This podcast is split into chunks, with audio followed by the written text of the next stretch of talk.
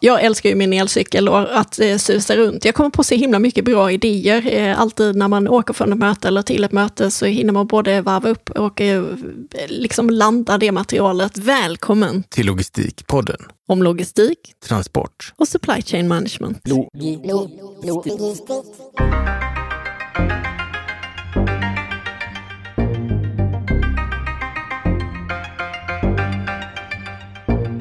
Vi hörs ju varje torsdag. Får du träffa mig och Nina och vi träffar branschens alla experter och proffs. Jag har till och med intervjuat Nina en gång eh, innan hon själv blev en av programledarna på Logistikpodden för drygt tre år sedan. Men hur mycket vet ni egentligen om oss? Ja, idag ska vi eh, lära känna Nina lite bättre. Eh, Nina, varför hoppade du på det här med Logistikpodden? Jo, men eh, jag har jobbat länge som konsult efter att jag blev forskare och det som slog mig var att eh, det var väldigt kul att jobba, eh, men jag kunde ju bara hjälpa ett fåtal personer eller organisationer per år. Eh, och det var alltid fler som knackade på dörren och det kändes alltid lika eh, taskigt och hemskt varje gång man fick tacka nej till något uppdrag för att eh, det fanns ju verkligen folk som behövde hjälp.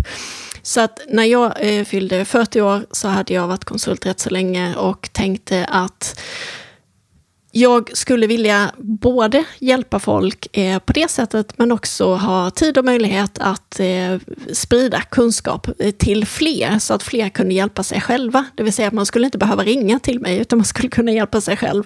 Eh, och på den vägen var det så att när jag eh, fyllde 40 år så tänkte jag det får bära eller brista. Jag får skylla på en 40-årskris om det går helt åt skogen. Eh, så jag sa upp mig och startade mitt eget företag eh, med tanken då om att ha två ben i verksamheten. Ett där jag kan vara rådgivare expert och ett där jag kan eh, just sprida kunskap och inspiration så att folk kan hjälpa sig själva. Eh, och det första jag gjorde var ju eh, då att skriva en bok eh, och det i sin tur ledde ju till att jag hade massa andra idéer och tankar om hur kan man sprida inspiration och kunskap. Och eh, jag funderar också på vilka som jag tyckte var nytänkande inom det här och eh, PO, du kom ju upp som en av dem.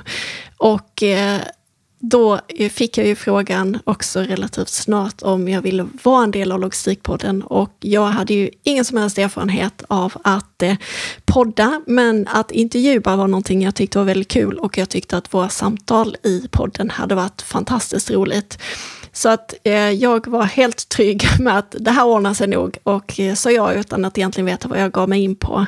Eh, och tycker att det är helt eh, fantastiskt. Det är någonting som jag faktiskt eh, saknade på ett sätt från eh, doktorandtiden.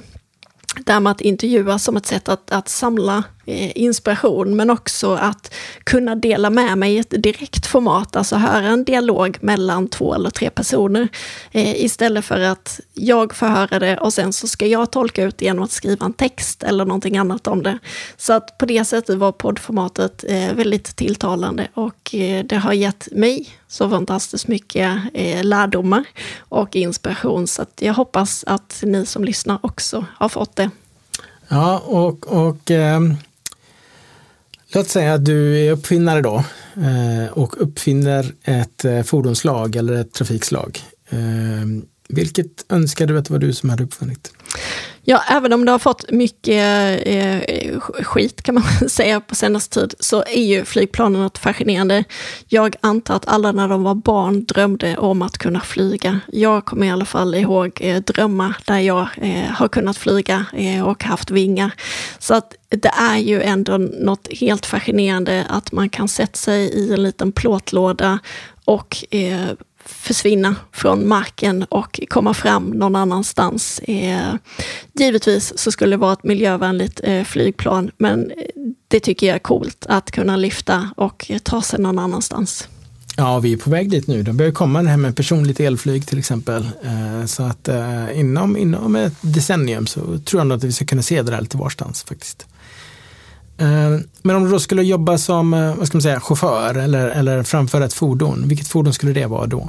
哼哼哼 ja, jag älskar ju min elcykel och att eh, susa runt. Jag kommer på så himla mycket bra idéer. Eh, alltid när man åker från ett möte eller till ett möte så hinner man både varva upp och eh, liksom landa det materialet. Så att cykelbud är ju det som ligger närmast. Så eh, kanske en fraktcykel om jag ska vara logistikbranschen trogen och eh, annars eh, så får man väl vara ett, ett traditionellt cykelbud. Men eh, det skulle jag, eh, känslan av att rulla fram på två hjul eh, tyst och samtidigt kunna tänka och ta sig förbi eh, köerna som eh, bilarna har hamnat i. Det tycker jag är jättehärligt. Mm, eh, det hade jag nästan kunnat gissa att du skulle svara.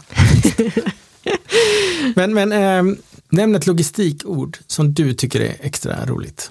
Ja, men någonting som eh, nästan alltid återkommer är ju det här med bullwhip-effekten, eller på svenska då pisksnät-effekten. Eh, det är ju ett väldigt målande ord tycker jag, för känslan eh, som man får när den uppstår, det vill säga när ojämnheter i ett eh, system helt enkelt fortplantar sig. Eh, det vill säga man har en liten störning från början och när alla börjar agera på den här lilla störningen så växer störningen till proportioner som är helt utanför vad som är rimligt egentligen. Och då får man just den här eh, pisksnärtan tillbaka, det vill säga att man får stora problem som kommer och biter en i häcken. Så att det det är ett målande ord eh, som också eh, ger en bilder i huvudet rätt så snabbt. Ja, och för er som inte vet vad det är då, toapapper när covid slog till. Där har ni typiskt vad som hände med pisknäteffekten. Trots att förbrukningen, eh, får man anta, är ganska jämn över tid, så blev det enorm efterfrågeökning som sen slog tillbaka och helt plötsligt var, var eh, butikerna överfulla av toapapper efter att ha varit helt tomma. Trots att jag menar, man förbrukar inte mer bara för att det är covid. I alla fall inte jättemycket. Så att, äh, ja, väldigt, väldigt underligt det där. Äh, och jag håller med, det är ett jättebra ord. Äh, under alla år du har varit, varit aktiv i logistikvärlden, vad har förvånat dig mest? Det är ju hur någonting som i grunden är så pass enkelt. Alla som börjar läsa logistik, läser logistik i grundkurs, säger att ja, ja, men det är ju logiskt. Hur svårt det ändå blir Eh, alltså egentligen så handlar det ju om transporter, det vill säga att ta sig från A till B. Det handlar om lager, det är ju för att jämna ut lite eh, ojämnheter längs med vägen, det vill säga att man kan ha, ha lite olika fluktuation och sätt att se på det här med transporter.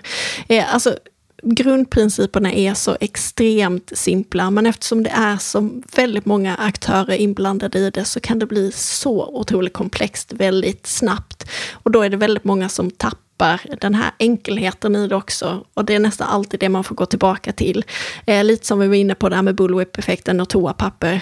Eh, frågar man då får ställa sig så här, har eh, konsumtionen av toapapper förändrats, ja eller nej? Och då kan man veta, ska jag förändra mitt system eller är det en tillfällig liksom, blipp i systemet? Så att eh, det blir ju, även de väldigt komplexa frågorna behöver på något sätt kokas ner till det väldigt basala. Och det är fortsätter alltid att förvåna mig hur pass utmanande och hur mycket vi kan strula till det, något som ändå är relativt enkelt i grunden.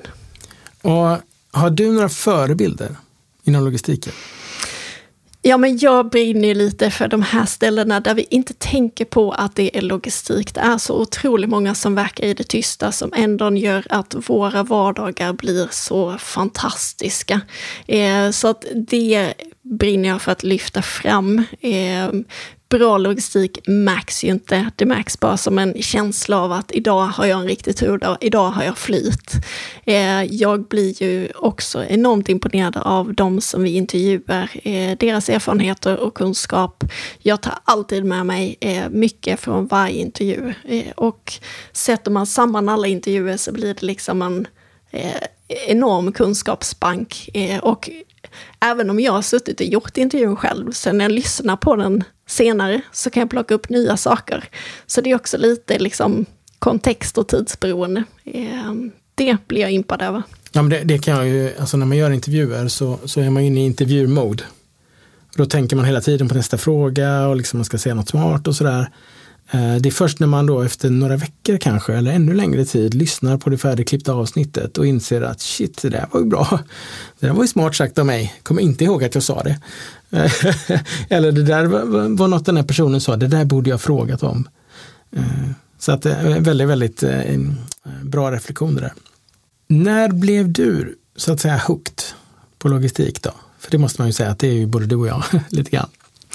Ja, eh, och när jag, jag pluggade till civilingenjör och pluggade i Linköping och under mitt tredje år så hade jag ett utbytesår i Tyskland.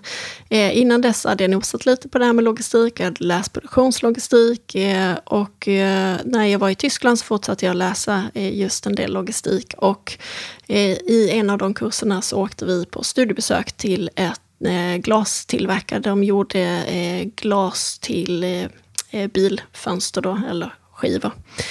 Och eh, jag blev så impad över att de hade specialbyggda eh, lastbilar som helt enkelt kunde lasta och lossa glas på fem minuter, en full lastbil på fem minuter.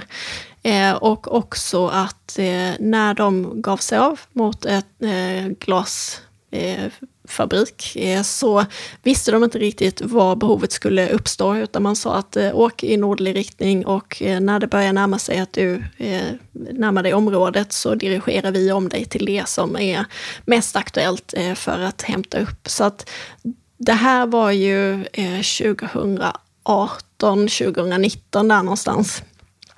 Så att jag tyckte att det var rätt så coolt att någonting som man skulle tänka sig, okej, okay, om man bara skulle gissa, lasta och lossa glas, hur lång tid tar det? Ja, det är ju liksom känsligt och sådär, att man hade tänkt till ett helt system och byggt upp det för detta. Eh, och sen så var det ju också det här tilltalandet, eh, lite som vi var inne på innan, att det finns väldigt många kurser som kanske inte är så praktiskt tillämpbara. Men i logistiken så får man ju kombinera, eh, man behöver kombinera eh, strategi med operativt tänkande, eh, ekonomin ska balanseras med eh, de senaste försäljningssiffrorna. Eh, så att det finns så väldigt många olika eh, perspektiv som man ska kombinera och det tilltalar mig. Man blir aldrig färdig. Nej, det blir man verkligen inte. Eh, även om den här intervjun, kan vi väl säga, har nått någon form av, av läge där vi vill lämna över till er lyssnare att ställa nästa fråga till Nina. Så att hör gärna av er om ni känner att ni vill veta något mer om oss eh, som gör podden och eh, saker ni vill att vi tar upp. Ni når ju oss på hejlogistikpodden.se eller i eh, sociala medier där ni bara söker på våra namn så hittar ni oss där. Så att ett varmt tack för er som lyssnar och kul att få lära mig lite mer om dig Nina. tack, hej.